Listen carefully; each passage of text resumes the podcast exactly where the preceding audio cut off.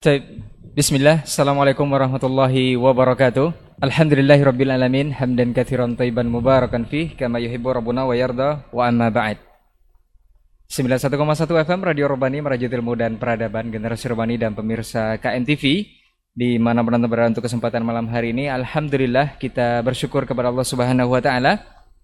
Salawat dan salam kepada Nabi Muhammad sallallahu alaihi wasallam.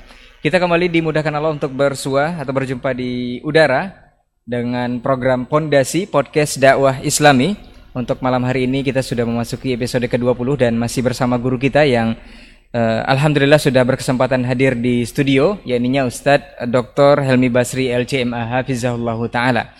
Untuk malam hari ini kita akan membahas sebuah tema yang berkaitan erat dengan negeri kita Indonesia yang disebut-sebut di luar negeri ya. Tapi apakah itu yang akan kita perbincangkan nanti atau seperti apa? Insya Allah selama lebih kurang selama lebih kurang satu jam ke depan kita akan berbincang bersama guru kita seperti apa dan bagaimana. Tema kita adalah Muslim plus 62. Muslim plus 62. Seperti apa dan bagaimana kita sapa dulu guru kita. Assalamualaikum warahmatullahi wabarakatuh Ustaz. Assalamualaikum warahmatullahi wabarakatuh. Sehat Ustaz? Alhamdulillah. Alhamdulillah. Ustaz, kita membahas sebuah tema yang uh, ini sebenarnya tidak tidak tidak terpengaruh kepada tema atau judul. Ini hanya sebuah uh, judul untuk mempermudah antum memahami bahasan kita untuk kesempatan malam hari ini adalah Muslim plus 62 Ustaz. Uh, seperti apa dan bagaimana nanti kita akan uh, berbincang selama lebih kurang satu jam ke depan. Mungkin untuk perdananya Ustaz, uh, sebagai seorang Muslim yang sudah otomatis dari lahir kita sudah Muslim Ustaz, sudah Islam uh, dari orang tua kita juga. Sebenarnya apakah cukup dengan status kita sebagai seorang Muslim saja, uh, Muslim yang baik itu, apakah menjalankan aktivitas atau keseharian sebagai muslim dengan ajarannya itu adalah uh, sekedar pemahaman atau memang ajaran itunya sendiri yang dilakukan atau boleh disederhanakan bahasanya Ustaz muslim yang baik itu sebenarnya seperti apa Ustaz? Ya. Fadal Ustaz. Baik, bismillahirrahmanirrahim. Alhamdulillah wassalatu wassalamu ala Rasulillah wa ala alihi wa sahbihi wa mawala. Ikhwati fillah. Uh, sahabat Robani dan pecinta KMTV serta ikhwah sekalian di mana pun berada. Uh, pada malam hari ini Alhamdulillah kita kembali dimudahkan oleh Allah Subhanahu Wa Taala untuk berbincang-bincang seputar agama, berbincang-bincang seputar syariat Islam yang mudah-mudahan ini bisa menjadi wasilah bagi kita untuk menyempurnakan pengetahuan keislaman kita serta wasilah untuk mendapatkan kemuliaan kita di sisi Allah uh, Subhanahu wa taala. Tema yang kita angkat pada malam hari ini adalah Muslim plus 62 uh, yang kita lihat plus 62 itu kode ya. Nah. Tapi apa yang mau kita maksud dengan plus 62 pada malam hari ini? Mudah-mudahan semua kita bisa menjadi muslim yang baik. Uh, muslim yang baik itu bukanlah muslim sekedar nama. Karena untuk mengaku sebagai seorang muslim itu sangat mudah sekali. Tetapi ada hal-hal yang sebagai konsekuensi dari keislaman. Pernyataan dia sebagai seorang muslim itu lisan dan lisan tidak cukup. Ya. Harus ada aplikasi secara real dalam kehidupan kesehariannya. Iman itu tidak juga hanya sekedar dibenarkan oleh hati, tetapi harus diikutkan dengan aplikasi secara secara real. Oleh karena itu, agar kita menjadi muslim yang baik, maka kita harus mengaplikasikan makna dan nilai-nilai keislaman dalam kehidupan kita. Dengan cara itulah kita bisa keluar dari sekedar nama. Kalau tidak nanti ada orang yang di KTP-nya tercatat sebagai seorang muslim, dia disebut sebagai orang yang beragama Islam, tetapi ternyata perilaku, eh, sikap, tindakan, kesehariannya ternyata jauh dari apa yang diinginkan oleh Islam itu sendiri ini tentu saja sangat tidak memadai. Kalau mau kita berikan contoh, umpamanya kita ambil satu hadis, Siapa muslim yang baik? Di antaranya seperti yang ada pada hadis Rasulullah sallallahu alaihi wasallam, al-muslimu man salimal muslimuna min lisanihi wa yadi. Ini ini contoh ini. Bagaimana kita mengaplikasikan nilai-nilai keislaman. Artinya kata Islam itu sendiri harus ada bukti dalam kehidupan sehari-hari. Sekarang kita ambil satu contoh. Al-muslimu, orang muslim yang sebenarnya itu adalah man salimal muslimuna min lisanihi wa yadi. Adalah orang yang orang muslim yang lain itu selamat dari lidah dan tangannya. Selamat dari kejahatan lidah dan tangannya. Artinya adalah muslim yang baik adalah orang yang menjaga lidah dan menjaga tangannya. Eh, kalau seandainya dia memang mengaku sebagai seorang muslim, maka berarti dia harus menjaga lidah dan tangannya. Uh, apabila dia sudah tercatat sebagai seorang muslim, membanggakan ke keislaman yang ada, tapi ternyata lidahnya menyakiti umat Islam yang lain. Kata-kata yang keluar dari mulutnya selalu saja mendatangkan masalah dalam kehidupan umat Islam. Itu berarti dia muslimnya hanya sekadar nama. Dia tidak mengaplikasikan nilai-nilai keislaman apa yang terkandung dalam syariat Islam itu berarti dia tidak tidak buktikan dalam kehidupan kesehariannya. Itu baru satu satu contoh. Kalau umpamanya kita ambil contoh yang lain umpamanya al-muslimu akhul muslim. Ya. Orang muslim itu adalah saudara bagi muslim yang lain. Berarti orang muslim itu adalah orang yang semuanya bersaudara atas nama atas nama Islam. Apa sikap saudara terhadap saudaranya yang lain? Itu harus diaplikasikan, harus dibuktikan dalam kehidupan sehari-hari. Nah, diperkuat oleh banyak hadis kan, tidak boleh saling menyakiti, tidak boleh saling menzalimi, tidak boleh riba, tidak boleh melakukan hal-hal yang merusak hak-hak orang lain. Maka konsekuensi dari dia sebagai seorang muslim, maka haruslah dia menjadi saudara bagi muslimnya yang lain. Nah oleh karena itu intinya menjadi muslim yang baik tidak hanya sekedar nama, jangan hanya menjadi muslim nama, tetapi harus muslim yang aplikatif, muslim yang memang kehidupan kesehariannya selalu diwarnai oleh nilai-nilai eh, keislaman. Jadi uh, muslim saja tentu ada tahapan berikutnya sepertinya Ustaz ya. Mm -hmm. Ini yang mungkin yang kita maksud dengan plus 62 ini Ustaz. Yeah. Mungkin setelah Islam kita ada uh, plus 6 ini adalah rukun imannya Ustaz ya, pengaplikasian itu tersebut. Kemudian uh -huh. ditambah nanti dengan dua hal yang akan kita bahas juga nanti. Cuman yang perlu di garis bawah Ustaz, setelah tahapan berikutnya ini Ustaz, apakah uh, pengaplikasian dari rukun iman ini uh, kan iman artinya percaya, kemudian diucapkan, uh, kemudian diaplikasikan dalam kehidupan atau bentuk praktek dari rukun iman itu sendiri. Hmm. Bagaimana kalau dua tahapan ini sudah dilalui, sementara prakteknya tidak sesuai dengan apa yang diyakini dari rukun iman ini. Ini apakah juga bisa dikatakan muslim yang baik? Karena memang banyak warawiri di di di Indonesia atau di negeri kita seperti itu, Ustaz. Setelah diyakini rukun imannya seperti ini, ternyata pengaplikasiannya beda dengan yang sebenarnya. Ini seperti apa Ustaz? Iya. Kita kalau sudah bicara tentang aplikasi dalam beragama, tentu kita punya panduan. Nah. Panduan itu yang harus jadi standar, yang harus jadi ukuran. Sesuai atau tidak, kita tidak boleh beragama semau kita. Kalau seandainya kita sudah menyatakan sebagai seorang beriman, seorang yang Islam dan juga orang yang beriman kepada Allah Subhanahu wa taala, berarti ada praktek-prakteknya. Karena iman itu definisinya oleh para ulama kan at-tasdiqu bil qalbi, al-qawlu bil lisan, wal amalu bil arkan. Diyakini oleh hati, diucapkan oleh lidah, wal amalu bil arkan dan diamalkan secara real dalam kehidupan keseharian harus ada tiga tiga gabungan eh, digabungkan tiga tiga hal ini. Kalau seandainya kurang salah satunya, maka kurang pula eh, keislaman dan keimanan dia. Karena harus ada kan?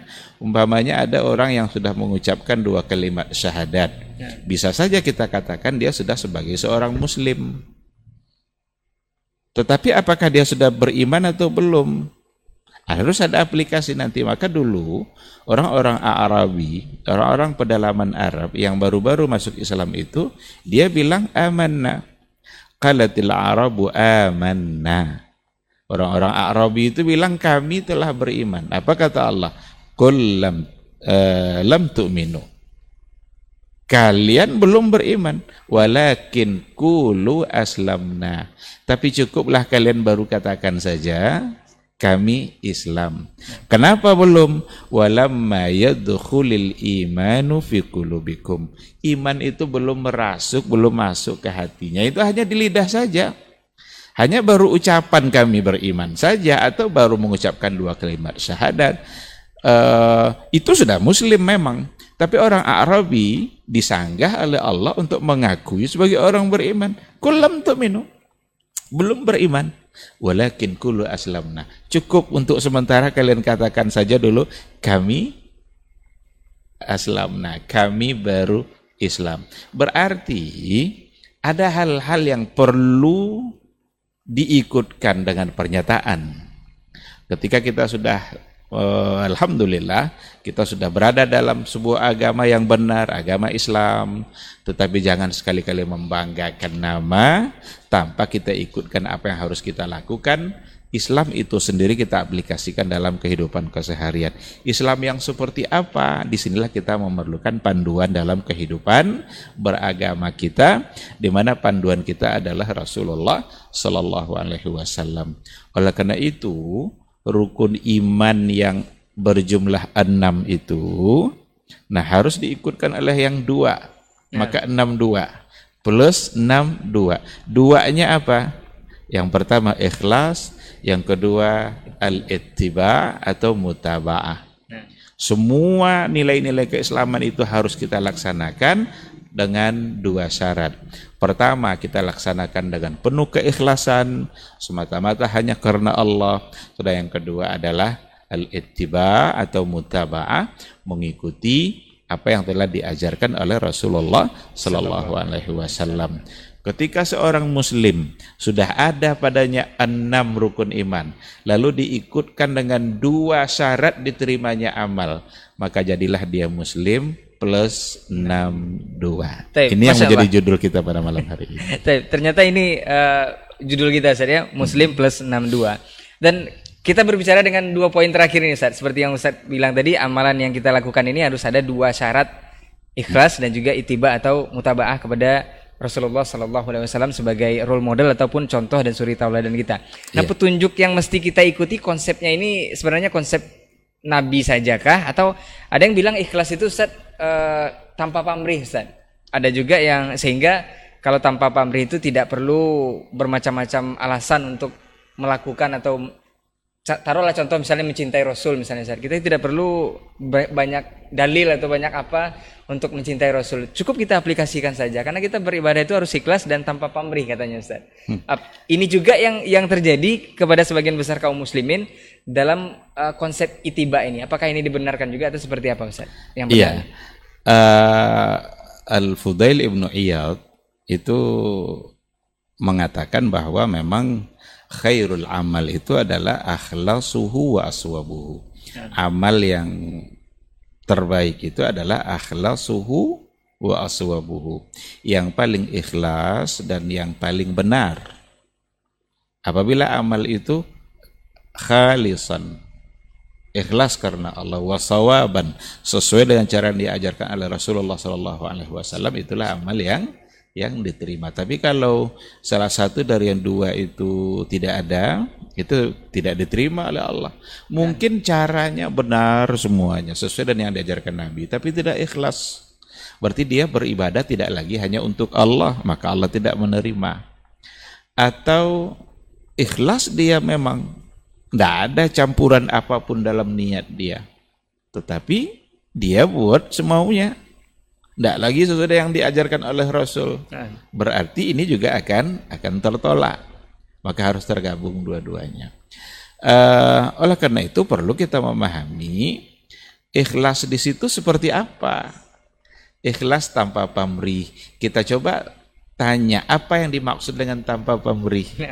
Nah, karena ada sekelompok dari orang-orang ya sebahagian dari kelompok yang mengatakan selagi kita beribadah lalu kita mengharapkan pahala berarti masih belum ikhlas karena masih ada harapan-harapan yang lain. Ya. Nah, ini ini perlu dikoreksi.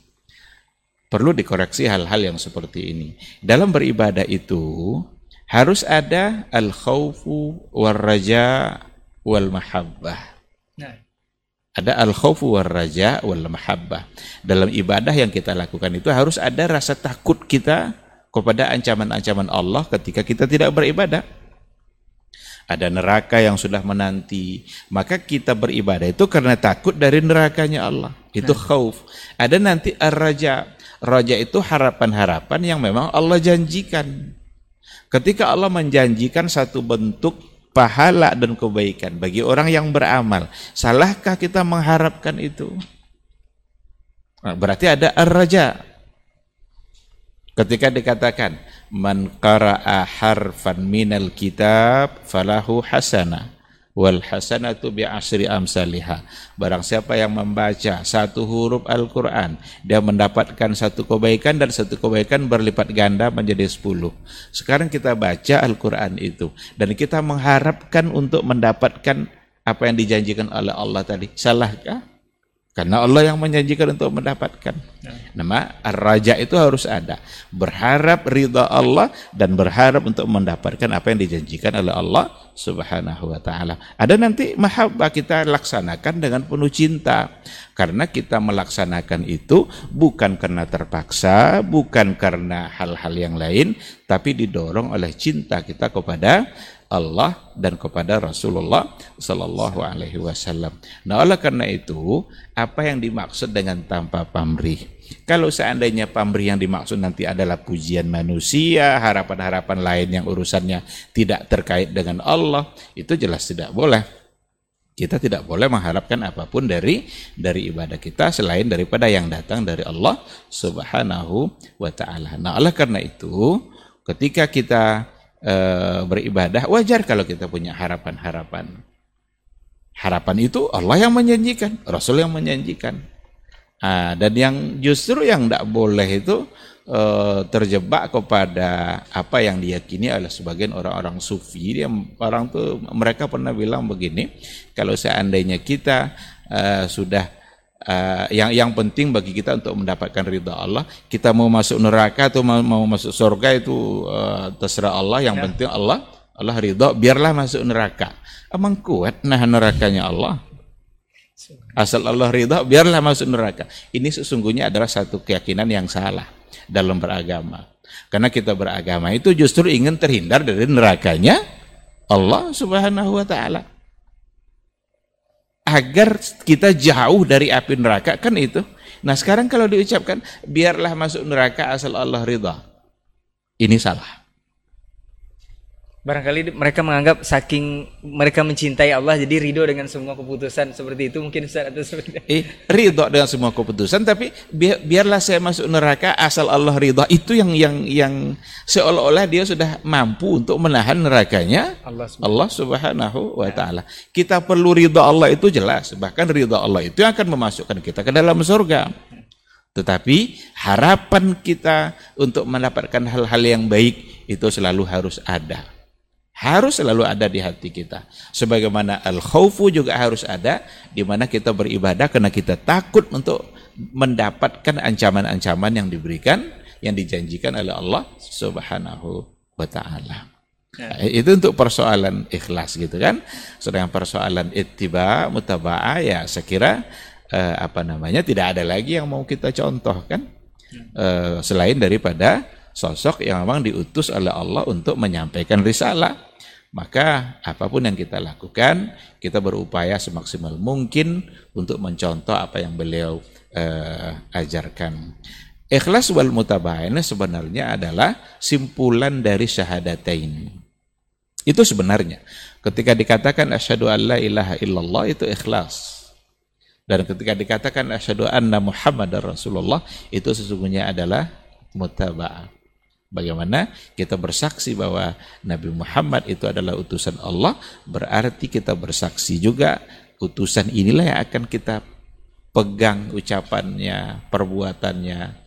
Panduan hidup kita adalah risalah yang dibawa oleh utusan ini. Buat apa kita meyakini seorang utusan kalau kita tidak percaya pada risalah yang dia bawa? Nah, oleh karena itu, syahadatain itu tersimpul sebenarnya pada yang dua tadi al-ikhlas wal wal mutaba. Masya Allah, tabarakallah. Jazakallah khair Ustaz untuk uh, penjelasannya. Kemudian dari poin yang kedua ini juga Ustaz kita akan bahas uh, mengenai konsep itiba ini ada beberapa kasus Ustaz. Uh, apa karena memang terbawa perasaan atau memang tidak memahami sendiri konsep itiba ini seperti apa sebagai seorang muslim ada seorang public figure yang meninggal dunia anaknya berbeda keyakinan Ustaz tapi dengan perasaan sebagai seorang ibu, dia ikut membuat sebuah acara boleh dikatakan tahlilan atau seperti apa untuk mendoakan anaknya ini Ustaz. Ini apa apakah ini dibenarkan dan uh, banyak juga yang hadir Ustaz menghadiri tahlilan tersebut.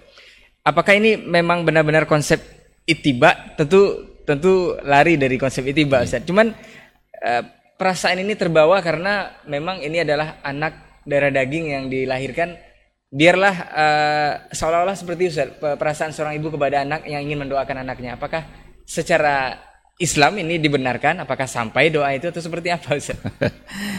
iya. Apalagi berbeda agama tadi ya nah, dalam kasus yang diceritakan. Berbeda keyakinan Ustaz. Uh, Nabi Ibrahim berbeda keyakinan dengan ayahnya. Ada banyak kisah-kisah dalam Al-Quran yang berbeda antara si A sama si B keyakinannya. Ya. Dilarang itu Allah untuk meminta ampunkan, uh, dilarang oleh Allah Nabi Ibrahim untuk meminta ampunkan dosa dosa ayahnya. Karena dia tidak se tidak seagama. Nah di sinilah pentingnya kita kembali kepada yang diajarkan Nabi. Jadi beragama tidak pakai perasaan. Kalau tadi itu kan dia mengedepankan perasaan. Uh, dia sebagai seorang ayah yang meninggal anaknya atau ayahnya? Anaknya. Anaknya. Dia seorang ibu, Ustaz. Uh, ada ada seorang ibu lalu meninggal uh, anaknya dan anaknya itu ternyata tidak seagama dengan dengan dia. Nah. Kalau sudah tidak seagama, apa yang mau diminta ampunkan? Siapa yang mau mengampuni dia? Dia tidak percaya sama orang yang sama sama Allah yang akan mengampuninya itu. Kan itu sebabnya kan? Tapi yang membingungkan, Tidak. tapi yang membingungkan Ustaz, banyak juga yang hadir di acara tersebut Ustaz. Ini Ka karena semuanya main perasaan. Nah. karena semuanya main eh, main perasaan atau bisa juga mungkin kesempatan perbaikan gizi bisa juga eh, acara-acara tertentu yang mungkin diundang untuk untuk makan dan dan lain-lain sebagainya. Jadi sekali lagi beragama kita tidak dengan mengedepankan perasaan kita, tapi bagaimana kita selalu mencoba membaca bagaimana panduan persoalan itu dalam dalam uh, agama kita. Ya. Uh, ini nanti banyak hal dalam kehidupan sebenarnya. E, bertetangga umpamanya. Kan ada hak-hak dalam bertetangga diatur oleh agama. Tapi bagaimana kalau seandainya ada tetangga kita yang non muslim lalu meninggal? Apa yang harus kita lakukan? Apakah kita akan ikut melakukannya sesuai dengan apa yang yang uh, ada dalam dalam uh, agama kita? Kita uh, kalau bermain perasaan kita kan ingin mencoba untuk mempertahankan bagaimana uh, kebersamaan mereka di masyarakat yang selama ini bersama. Lalu ingin membuat sesuatu yang mungkin saja nanti akan bertentangan oleh da, kalau dibawa kepada aturan-aturan agama maka ke, eh, maka dalam hal-hal yang yang seperti ini tidak pantas untuk dilakukan hal-hal yang yang seperti itu. Jangankan dengan yang tidak seagama, dengan yang seagama aja sudah diperbincangkan oleh para ulama dalam masalah-masalah yang tadi itu kan, nah. apalagi dengan yang tidak tidak beragama. Jadi tidak akan bermanfaat bagi dia. Karena memang dia sendiri tidak beragama, tidak beragama Islam. Atau kebalikannya nanti mungkin orang tuanya yang meninggal orang tuanya tidak muslim, dia anaknya sebagai anak mungkin sudah Islam. Apakah dia akan selalu berupaya untuk mendoakan keampunan untuk orang tuanya? sebelum meninggal itu seharusnya dia berupaya untuk mengajak dia menerima ajaran Islam, berdoa agar diberikan hidayah oleh Allah. Tapi kalau sudah meninggal tentu saja sudah terputus, tidak ada lagi hal-hal yang bisa untuk dilakukan, tinggal mempertanggungjawabkan saja amalan-amalan yang amalan-amalan yang telah dilakukannya selama hidupnya di dunia. Wallahu subhanahu wa ta'ala alam. Taib. Ini mungkin salah satu contoh kasus dari Muslim plus 62 di negeri kita Ustaz ya. Mungkin selain bahasan kita yang benar-benar plus 62 yang sebenarnya akan kita bahas ini, mungkin uh, plus 62 salah satunya bentuk unik dari negeri kita itulah. Karena sudah jelas berbeda keyakinan tetap didoakan. Padahal konsep itiba itu sudah menyalahi Ustaz ya. Kita balik ke poin selanjutnya Ustaz uh, mengenai uh, ittiba juga Ustaz ataupun uh, mengikuti Rasul dengan full atau pure atau sempurna. Apakah poin ittiba ini atau mencontoh Rasul ini murni dari apa yang sudah diajarkan Rasul saja atau ada contoh dari sahabat mungkin atau dari tabi'in karena ada juga yang beralasan Ustaz dalam satu amalan dilakukan ada sahabat yang melakukan atau ada tabi'in yang melakukan jadi itu diambil panduan Ustaz. Sebenarnya runtutannya atau rentetannya seperti apa Ustaz? dalam ya, konsep Kalau kita lihat hadis Rasulullah Shallallahu Alaihi Wasallam ada pesan Rasul dalam persoalan ittiba ini. Uh, kata Rasul, "Alaikum bisunnati wa sunnatil khulafa'ir rasyidin al-mahdiyyin min ba'di. Addu 'alaiha bin nawajiz." Ikutilah sunnahku dan ikutilah sunnah khulafa rasyidin sesudahku. Al-mahdiyina. Rasul mensifatinya dengan al-mahdiyina karena al-mahdiyina itu memang mereka itu mendapatkan hidayah dan berpegang teguh pada hidayah itu. Adu alaiha bin nawajis. Pegang erat-erat itu. Gigit pakai geraham kalian jadi kalau tidak bisa pakai tangan, ah gigit pakai geraham. Begitulah gambaran Nabi meminta kita agar berpegang kepada sunnah Rasul dan sunnah khulafa, khulafa Rasyidin. Uh, maka dalam hadis ini ada dua sunnah kan, sunnah Rasul, sunnah khulafa Rasyidin. Uh, ketika ada kebijakan-kebijakan yang diputuskan oleh khulafa Rasyidin dalam beragama, boleh kita ikuti. Apa contohnya? Azan dua kali di hari Jumat itu adalah sunnahnya Utsman ibn Affan. Sunnahnya Utsman ibn Affan karena pada masa Rasul Jumat itu azannya hanya hanya sekali. Bolehkah kita hari ini azan Jumat dua kali? Boleh, karena Utsman melakukan dan Nabi menyuruh untuk mengikuti sunnah Khulafa Ar-Rasyidin. Tapi upayakan sesuai dengan yang dilakukan oleh Utsman. Bagaimana Utsman melakukan? Dibuat dua kali azan itu, azan pertama itu sebelum masuk waktu. Sebelum masuk waktu artinya adalah untuk mengingatkan masyarakat bahwa Jumat sudah semakin dekat. Maka dulu azan pertama itu dekat-dekat di pasar. Karena di situ suara yang akan didengar oleh oleh banyak orang dan itu belum masuk waktu. Biar sempurna ikutan kita.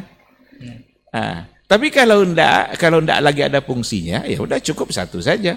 Tapi kalau dua, ikuti sebaiknya mengikuti apa yang sesuai dengan yang dilakukan oleh Utsman ibn Affan.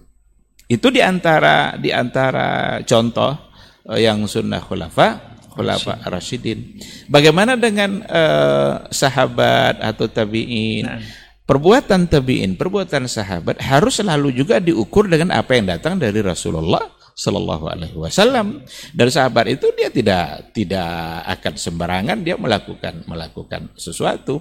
Tapi bagaimanapun kita tidak bisa berpegang secara independen kepada apa yang dilakukan oleh tabiin umpamanya. Ketika apalagi itu bertentangan dengan yang ada pada hadis-hadis Rasul. Maka yang jadi patokan kembalikan kepada apa yang datang dari Rasulullah Shallallahu Alaihi Wasallam. Ketika dilakukan oleh yang lain tabiin umpamanya atau bukan khulafa ar-rasyidin. Tapi ternyata di situ ada sesuatu yang sifatnya keliru, berarti tidak bisa dijadikan uh, uh, pegangan dalam ber dalam beribadah karena memang kita harus lagi-lagi mengembalinya ke mengembalikannya kepada apa yang dikatakan atau yang datang dari Rasulullah Shallallahu alaihi wasallam. Uh, bukankah tabiin itu minal qurunil mufaddalah. Nah, itu sering jadi Itu kan eh, generasi yang yang terbaik. Ter- terbaik. Rasul kan memberikan pujian kan generasi saya, kemudian yang sesudahnya, kemudian yang sesudahnya lagi. Saya itu berarti ketika Nabi masih hidup. Nah. Yang sesudahnya berarti Nabi sudah tidak ada di kalangan para sahabat kan. Yang sesudahnya lagi berarti adalah pada masa tabi'in orang-orang yang yang eh, apa namanya yang masih ketemu dengan Rasulullah Shallallahu Alaihi Wasallam. Berapa banyak nanti dari kalangan tabiin eh, tetapi perbuatan mereka tetap harus diukur dengan apa yang datang dari Rasulullah Shallallahu Alaihi Wasallam. Karena mereka tidak akan pernah independen boleh independen untuk dijadikan dalil dalam dalam eh, beragama. Ibnu Abbas saja Ibnu Abbas saja ketika menjelaskan satu satu masalah eh, persoalan haji tamattu kalau tidak salah ada orang bilang kan Ibnu Abbas mengatakan qala Rasulullah sallallahu alaihi wasallam. Lalu ada sahabat yang lain bilang eh, seperti Urwah atau siapa gitu nama nam- namanya. Tapi Abu Bakar sama Umar membolehkan Kenapa kamu tidak boleh kan? Padahal dia menyebutkan hadis hadis Rasul. Lalu apa kata Ibnu Abbas? Yushaku au yusiku an tanzila alaikum hijaratu minas sama. Saya khawatir nanti turun batu dari bu- dari langit sana. Aqulu qala Rasuli wa taquluna qaula Umar wa qaula Abi Bakar. Saya sebutkan kepada kalian perkataan Rasul lalu kalian sanggah dengan perkataan Abu Bakar dan Umar. Berarti Abu Bakar orang yang terbaik setelah Rasulullah Wasallam saja nggak boleh di menjadi sesuatu yang bertentangan kan dengan dengan Rasul. Artinya kalau kalau memang ada yang bertentangan, Abu Bakar harus ditinggalkan. Kalau ada yang bertentangan, ini, ini kalau ada nih ya. Padahal Rasul sendiri mengatakan ikuti sunnah khulafa khulafa Rasyidin. Tapi begitulah Ibnu Abbas dalam menjaga makna ittiba tadi. Dalam menjaga makna mutaba'atul Rasul, mengikuti Rasul. Saya bilang perkataan Nabi lalu kalian kedepankan perkataan Abu Bakar kata kata Ibnu Abbas. Padahal lagi-lagi sekali lagi Rasul mengatakan alaikum bisunnati wa sunnatil khulafa'i ar-rasyidin. Kalau kepada khulafa ar-rasyidin saja begitu sikapnya eh, Ibnu Abbas apalagi kepada para tabi'in. Orang-orang yang tidak ketemu Rasul, mereka hanya ketemu dengan sahabat. Jadi ketika kita katakan bahwa itu hanya perkataan tabi'in, kita tidak sedang menghina menghina generasi terbaik gitu. Enggak. Tapi bagaimanapun semuanya harus diukur dengan apa yang datang dari Al-Qur'an dan datang dari Rasulullah Shallallahu alaihi wasallam. Ketika bertentangan, maka ini harus ditinggalkan. Yang harus diambil adalah apa yang dikatakan oleh Rasulullah Shallallahu alaihi wasallam. Baik Ustaz. Eh, cukup clear sebenarnya jelas penjelasan dari Ustaz tadi mengenai eh, bab itiba ini bahwa eh, mengambil contoh sebenarnya memang dari Rasul dan generasi sahabat. Tapi bagaimana sebenarnya Ustaz? Memang sudah dijelaskan seperti itu Ustaz, tapi bagaimana menjelaskan kepada kaum muslimin agar paham juga Ustaz? Karena banyak yang mengambil eh, nanti dibilang eh, kita membahas sedikit-sedikit eh, bid'ah sedikit-sedikit ini. Bukan bukan hal itu sebenarnya. Sebenarnya ini bentuk rasa sayang bahwa mengingatkan kaum muslimin dari perbuatan-perbuatan yang tidak ada contoh atau tidak beritibak kepada Nabi. Banyak juga kaum muslimin yang mengambil dalil dari seorang ustadz atau uh, ulama bahwa itu hanya menge- mengedepankan uh, dalil dari seorang sahabat atau seorang tabiin bahwa amalan itu pernah dilakukannya dan itu dijadikan dalil tok badar bertentangan dengan Nabi. Bagaimana cara memahamkannya Ustaz? Kalau memang sesuai yang sudah saya jelaskan tadi. Sebenarnya kalau kita bicara dari plus 62 ini Ustaz, untuk memasukkan password saja bicara kekinian ke sebuah komputer kalau salah satu huruf kan tidak diterima Ustaz. Iya. Apalagi untuk amalan Ustaz ya. Iya. Nah, ini sebenarnya kalau bisa dipahami sudah jelas, tapi masih banyak Ustaz. Bagaimana sederhananya memahamkan ini Ustaz? Iya, makanya perbuatan-perbuatan mereka itu itu kan tidak menjadi dalil. Nah, Tapi perbuatan mereka itu harus dicarikan dalilnya. Kalau enggak nanti semua orang eh, ber apa namanya ber, ber- berbuat pada masa masa tabi'in lalu langsung dijadikan sebagai sebagai dalil gitu. Tapi apa alasan mereka berbuat? Karena ini adalah agama. mungkin yang sudah umum Ustaz seperti Umar Mm-mm. tarawih untuk uh, di zaman beliau Iya. yang berinovasi mungkin katanya melakukan bid'ah atau Bilal mungkin yang melakukan sholat ini kan sudah umum Ustaz. Ini seperti Sering dijadikan eh, bahkan sahabat yang berbuat Nah, eh, bid'ah katanya Masya Allah ungkapan seperti ini sebenarnya harus harus ber- berhati-hati gitu. Nah. Ketika dikatakan eh, eh, Bilal yang yang sebagai apa namanya itu pelaku yang mengerjakan apa satu bentuk ibadah yang justru itu membuat suara sendalnya sudah didengarkan kepada Rasulullah yang akan dipakai nanti oleh Bilal di Surga. di surga. Dan itu adalah dua rakaat sunat eh, wudhu, Nah. dua rakaat sunat sunat wudhu. Siapa bilang tidak ada tidak ada hadisnya se- seperti itu? Barang siapa yang berwudhu secara baik lalu ia sholat dua rakaat la yuhaddisu fihi nafsah di sholat itu dia tidak dia benar-benar mengerjakan secara khusyuk. Dan ingat lagi dia kepentingan-kepentingan dirinya. La yuhaddisu fi nafsah. Berarti ini fadilah kan? Tentang sholat dua rakaat sesudah ber berwudu. Apakah hadis ini diucapkan oleh Nabi setelah Bilal melakukan? Atau sebelumnya? Jadi jangan dikira nanti itu adalah bid'ah yang dibuat oleh oleh Bilal. Lagi pula Rasul sudah me- menyepakati menyetujuinya berarti itu menjadi sunnah Takrir. sunnah takriyah padahal sebelumnya juga ada fadilah-fadilah dari dari sholat dua rakaat setelah ber setelah ber, berwudu ketika ada Umar dalam persoalan sholat tarawih yang menjadi yang yang menjadi di, diperselisihkan Bahkan sebentar lagi akan polemik juga nih Ustaz ya. Ah, Rasul sudah bilang alaikum bisunnati wa sunnatil khulafa'ir rasyidina al mahdiin. Maka berarti mengikuti itu mengikuti yang dilakukan oleh eh, Rasulullah karena Rasul yang menyuruh untuk untuk mengikutinya. Nah, Nah, tapi kalau orang-orang yang lain, apalagi nanti kalau sudah sampai ke tingkat imam mazhab umpamanya, perkataan mereka bukan menjadi tidak langsung dijadikan itulah dalilnya. Apa dalilnya perkataan Abu Hanifah umpamanya? Apa dalilnya kamu kenapa lakukan ini? Apa dalilnya perkataan Imam Syafi'i? Tidak. Perkataan, mereka bukan sebagai dalil, tetapi harus dicarikan, harus dicarikan dalilnya. Nah, oleh karena itu eh, apa namanya? eh, Memang kadang-kadang ada yang salah paham dalam persoalan ini, dianggap nanti tidak menghargai nah, eh, ulama-ulama mazhab. Padahal karena cinta kita kepada mazhab itulah kita punya sikap seperti itu. Karena semua ulama mazhab itu kan melarang untuk untuk taklid kepada dia kan. Seperti yang sudah melarang sering dia dibahas tadi. untuk eh, kan sudah sering dibahas pada pertemuan yang yang yang sebelumnya. Eh, semua mereka melarang la tuqalliduni wala tuqallidu malikan wala thawri wala kaza wa kaza. Kan itu kata Imam Ahmad kan? Jangan taklid pada saya, jangan pada Imam Malik, jangan pada uh, jangan pada ulama-ulama yang lain. Tetapi ambillah dari mana mereka mereka mengambilnya. Nah, oleh karena itu, sekali lagi ketika ada sesuatu yang datang dari eh, mereka-mereka yang pada masa dahulu tidaklah sesungguhnya bisa langsung dijadikan dijadikan dalil tetapi justru harus tetap diukur kebenarannya dengan apa yang yang eh, diajarkan oleh Rasulullah Sallallahu Alaihi Wasallam. Wallahu a'lam.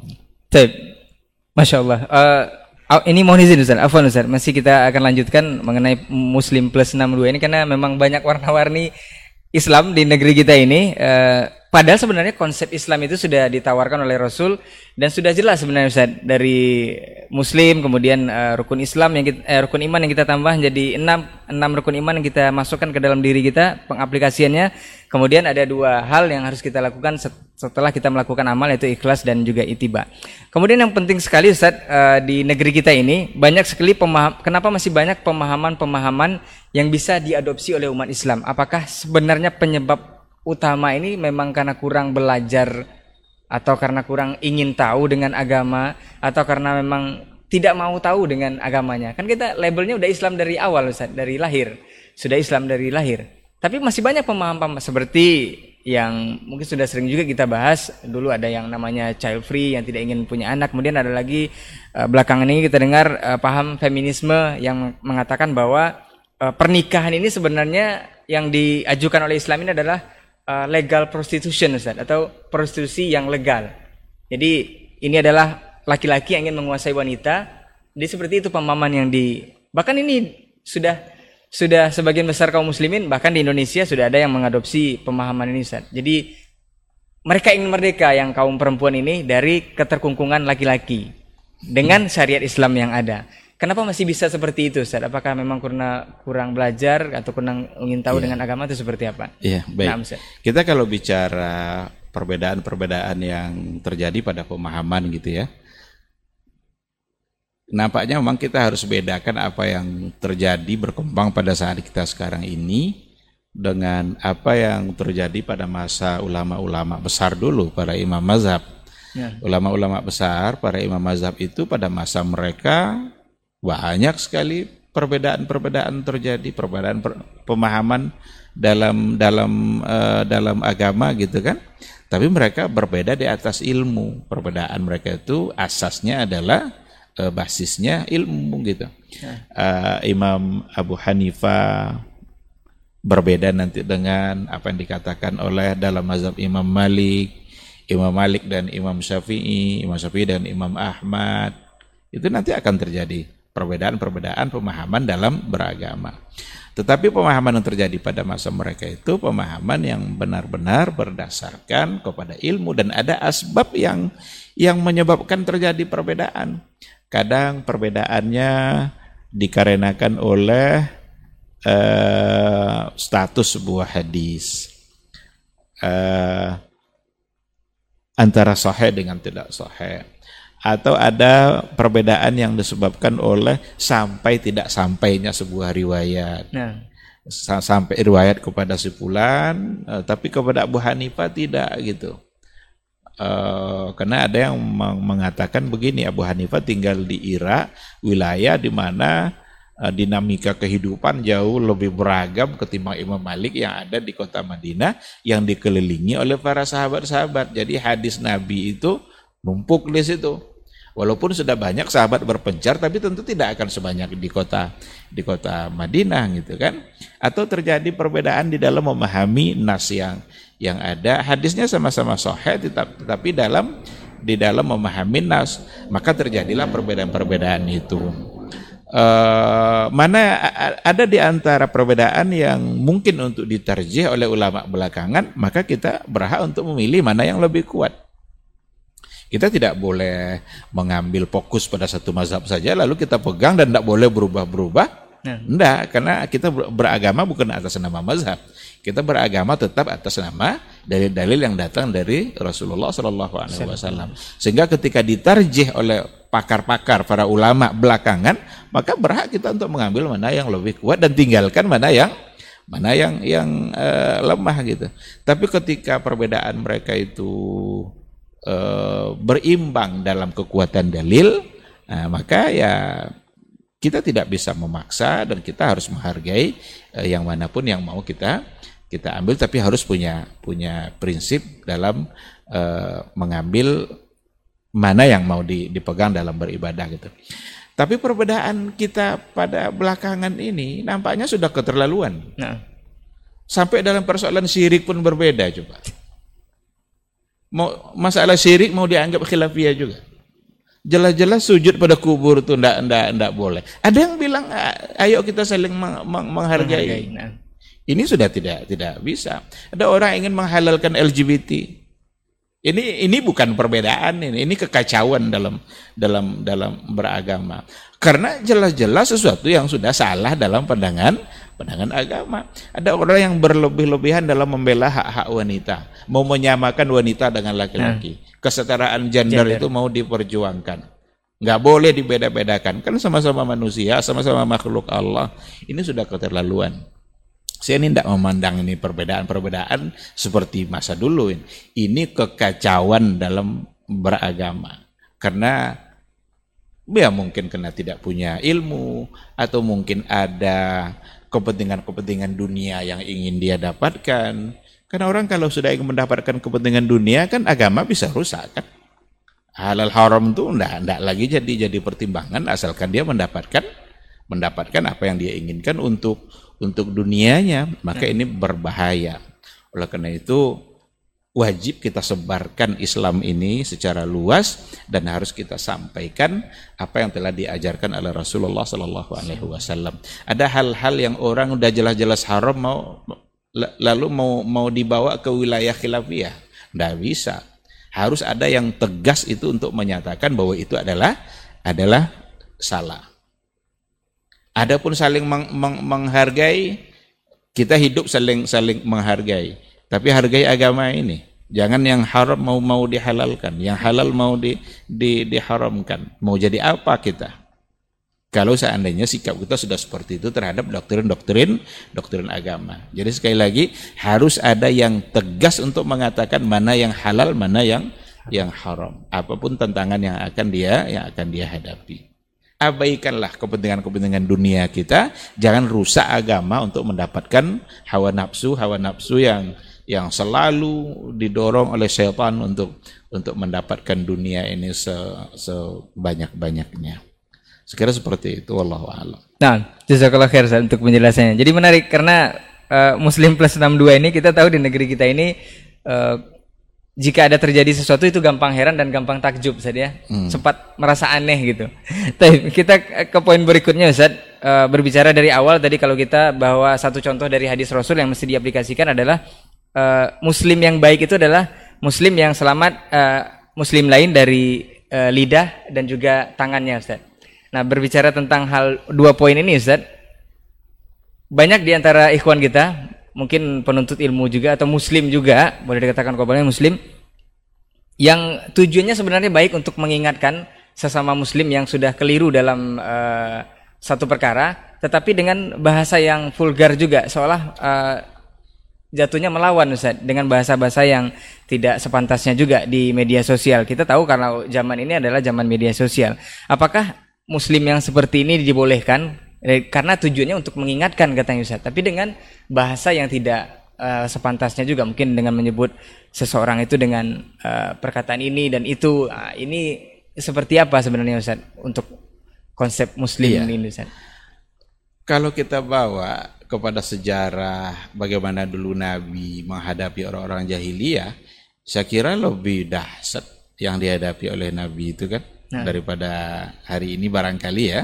Tapi Rasul tetap bagaimana dia berdakwah dengan cara yang cara yang baik. Kan jelas dalam Al-Qur'an kan eh, bil hikmati wal mau'izatil hasanah wajadilhum billati hiya ya ahsan. Ada konsep dalam dalam berdakwah fikih dakwah itu perlu dipahami dan nabi itu ya oh, maha guru dalam dalam berdakwah pasti kan ya. uh, dengan penuh hikmah dengan sangat baik ada mauizah-mauizah yang disampaikan kemudian kalau ber, ada perdebatan wajadilhum billati ya ahsan nah oleh karena itu uh, jangan sekedar semangat ini kadang ada orang terlalu bersemangat dalam berdakwah tetapi dia tidak menguasai bagaimana cara dalam dalam berdoa. Semangat aja tidak tidak uh, cukup gitu. Afwan Ustaz, mungkin katanya ingin memberikan efek jerah Ustaz kepada yang bersalah jadi dibalas lagi dengan hal ya. tersebut ini uh, kita berdakwah itu kita tidak dituntut hasil. Nah, dakwah tidak dituntut hasil.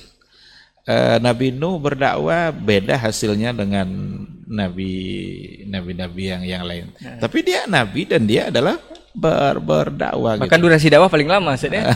Bahkan dia lebih lebih lama kan eh, 950 tahun kan. Nah. Uh, dan hasilnya beda sama Nabi Muhammad Shallallahu Alaihi Wasallam cuma 23 tahun, tapi begitu luas uh, apa namanya itu sebaran dakwah Rasulullah Shallallahu Alaihi Wasallam. Nah oleh karena itu ketika kita menyampaikan sesuatu, tugas kita memang adalah menyampaikan gitu. Maka dengan cara yang cara yang baik, dia terima atau dia tidak terima, kita tidak perlu menghukum. Hukum itu dari Allah Subhanahu Wa Taala. Hidayah juga datangnya dari Allah Subhanahu wa taala. Ya. Kita justru jaga saja etika kita dalam berdakwah, bagaimana kita menyampaikan. Mudah-mudahan cara baik itu itu mendorong orang untuk semakin cepat menerima. Jangan-jangan cara buruk itu justru membuat orang yang hampir menerima tapi tidak jadi. Dia udah mau nih, tapi nengok cara kita tidak baik, ya bisa saja dia berubah pikiran. Berubah berubah pikiran.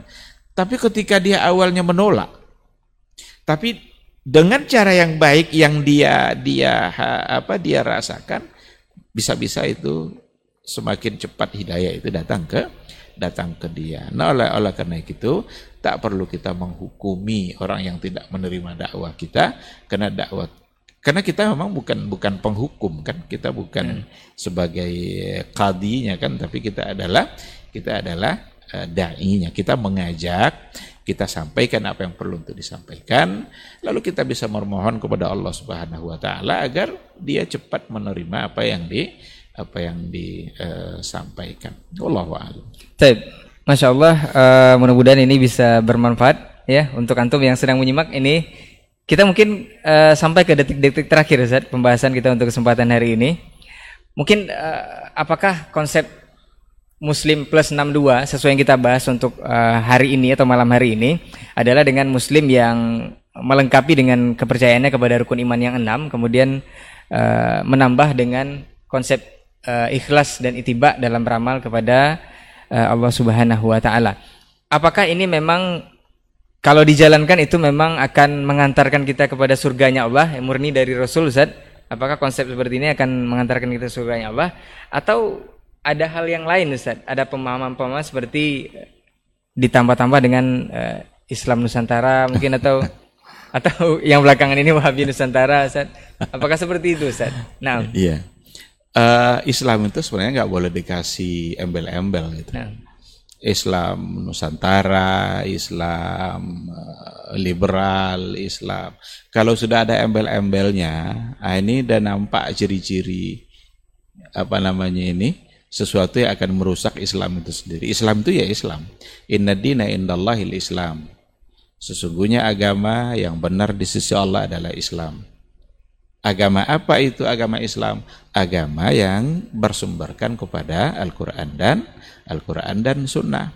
Ya. Nah, ketika dibuat label-label tertentu, ada Islam liberal, bagaimana mereka berpikir bebas, tapi tetap ingin berada dalam Islam. Islam bukan tidak boleh, tidak eh, membolehkan kita berpikir, tapi ada dawabit yang harus jelas. Kebebasannya itu terbatas. Karena ada rambu-rambu. Kalau itu sudah dilanggar, kita akan menjadi salah diberi pula nama nanti Islam Nusantara. Apa yang mau dimaksudkan dengan dengan Islam Nusantara? Apa sumber Islam Nusantara itu? Apakah Nusantara ini jadi sumber untuk beragama? Apakah tradisi-tradisi yang ada di Nusantara ini mau dibenarkan dan tetap ingin disebut sebagai Islam?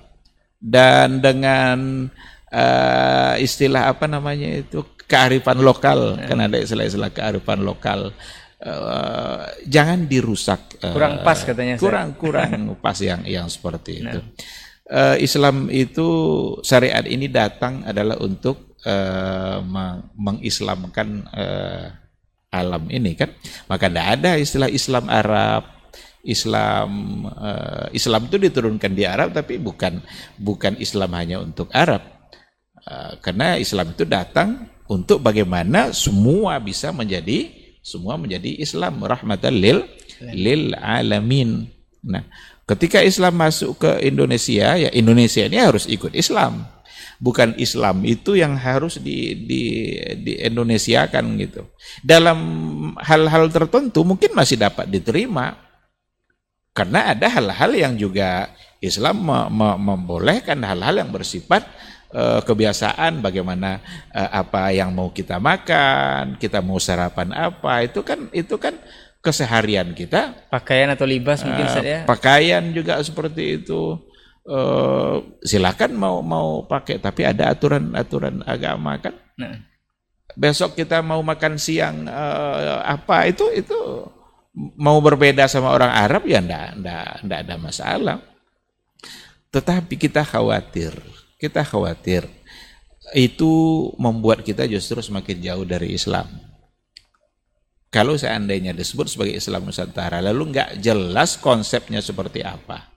Dan justru membuat kita menjadi curiga ketika kita tahu siapa yang merumuskan Islam Nusantara itu. Kita berhak untuk curiga. Orang-orang yang memang punya pikiran-pikiran yang entah lurus entah tidak. Lalu mau mau dibawa itu ke dalam pemahaman pemahaman uh, Islam. Jangan-jangan ujungnya justru adalah merusak merusak Islam itu sendiri. Ya. Islam datang dengan Quran dan sunnahnya masuk ke Indonesia, maka Indonesia ini harus mengikuti apa yang datang dari Islam itu. Bukan Islamnya yang harus disesuaikan dengan dengan uh, Nusantara ini. Itu yang yang perlu untuk dipahami bersama. Allah Taib. Subhanahu wa taala alam. Tapi Ustaz, mungkin terakhir Ustaz, seperti biasa untuk uh, tema yang kita angkat ini bukan hanya untuk uh, keren-kerenan tema atau keren-kerenan judul ini untuk memudahkan antum semua agar bisa memahami apa yang kita bahas untuk kesempatan malam hari ini. Jadi muslim saja tidak cukup karena memang kita muslim dari lahir, tapi harus kita eh, barengi atau tambah dengan uh, rukun iman dan juga uh, konsep dua konsep tadi uh, ikhlas dan itiba dalam beramal agar kita memang bisa disampaikan Allah kepada surganya nanti insya Allah dengan amal yang benar dan mengikut Rasulullah SAW. Nasihat terakhir mungkin Ustaz untuk uh, seluruh kita yang ada di sini khususnya dan seluruh kaum muslimin uh, dalam berislam atau menjadi muslim yang baik uh, di tengah-tengah atau di akhir zaman lah Ustaz. Di tengah-tengah banyaknya warawiri hal-hal uh, yang tidak semestinya atau tidak selaras dengan ajaran Islam itu sendiri. Nah, Fadl Ustaz. Iya. Uh, mari kita tingkatkan semangat kita untuk kembali kepada sumber utama Islam. Nah. Sumber utama Islam itu hanya dua Al-Quran dan Sunnah Rasulullah Sallallahu Alaihi Wasallam. Semangat untuk kembali kepada sumber utama ini yang akan benar-benar menyelamatkan kita. Karena itu solusi yang disampaikan oleh Rasulullah Sallallahu Alaihi Wasallam akan banyak terjadi nanti eh, perdebatan, perpecahan, perselisihan.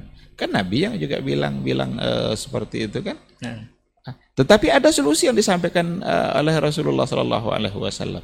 Kalau semua itu sudah terjadi, alaikum bisunnati wa sunnatil khulafa'ir rasyidin al mahdiyina min ba'di addu 'alaiha bin nawajis. Nah, oleh karena itu semangat itu harus ada.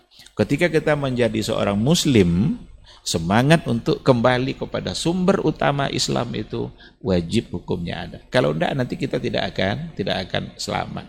Boleh saja kita apa namanya uh, atau membaca, berdiskusi dengan banyak orang karena itu akan membuat mungkin bisa menambah wawasan kita dalam dalam beragama. Tapi sekali lagi harus selalu dalam bingkai sumber utama tadi. Jangan keluar dari jangan keluar dari itu. Apa pun. Kalau umpamanya dalam dalam kajian usul fikih itu disebutkan ada banyak dalil. Ada dalil-dalil, ada yang disepakati, ada yang tidak disepakati. Yang tidak disepakati ini pun semuanya harus mengacu kepada Al-Quran dan Al-Quran dan Sunnah. Ketika dijadikan umpamanya maslahah mursalah sebagai sumber hukum, maslahah maslahah itu sendiri harus ada standarnya. Tidak boleh bertentangan dengan Al-Quran dan Sunnah. Itu artinya apa? Artinya adalah sekian banyak sumber-sumber lain yang bisa menetapkan hukum dalam beragama. Tetapi sumber-sumber yang lain itu harus tetap mengacu dan diukur melalui sumber sumber utama yaitu Al-Quran dan Al-Quran dan Sunnah. Kalau itu yang kita lakukan, mudah-mudahan apa pun yang terjadi, bagaimanapun bentuk perselisihannya, karena perselisihan hari ini bukan lagi dalam masalah masalah-masalah yang yang furu'iyah, tapi sudah pada masalah-masalah usul, masalah-masalah akidah, masalah-masalah kesyirikan. Camkan dalam hati kita mana yang dilakukan oleh Rasulullah itulah yang paling yang paling baik. Jangan sempat terjadi dengan apa yang viral akhir-akhir ini ketika Rasul sebelah kanan lalu guru saya ke sebelah kiri, maka saya akan ikut guru saya ke sebelah kiri. ini ngawur dalam beragama. Berarti dia lebih mengedepankan gurunya daripada Rasulullah Shallallahu Alaihi Wasallam. Padahal gurunya itu sendiri harus kembali kepada Rasulullah Shallallahu Alaihi Wasallam. Sekarang seperti itu, wallahu subhanahu wa taala a'lam. Jazakallah khairan Ustaz untuk materi kita di kesempatan hari ini dan bincang-bincang kita di malam hari ini. Mudah-mudahan antum semua yang berada di negeri plus 62 dengan banyak keunikan dan banyak juga hal-hal yang tidak selaras, sepatutnya kita menjadi muslim plus 62 yang sebenarnya atau kembali kepada Al-Qur'an dan sunnah karena bagaimanapun itu perbedaannya tetap ujung-ujungnya kembali kepada Al-Qur'an dan sunnah. Mudah-mudahan kita semua yang ada di sini menjadi muslim-muslim yang terbaik di sisi Allah Subhanahu wa taala dengan uh, contoh dari Rasulullah sallallahu alaihi wasallam. Afan untuk semua salah kata yang kita bicara. Jazakumullahu khairan untuk perhatian antum semua. Kita tutup dengan doa kafaratul majlis. Subhanakallahumma wa bihamdika asyhadu an la ilaha illa anta astaghfiruka wa atubu ilaik. Wassalamualaikum warahmatullahi wabarakatuh.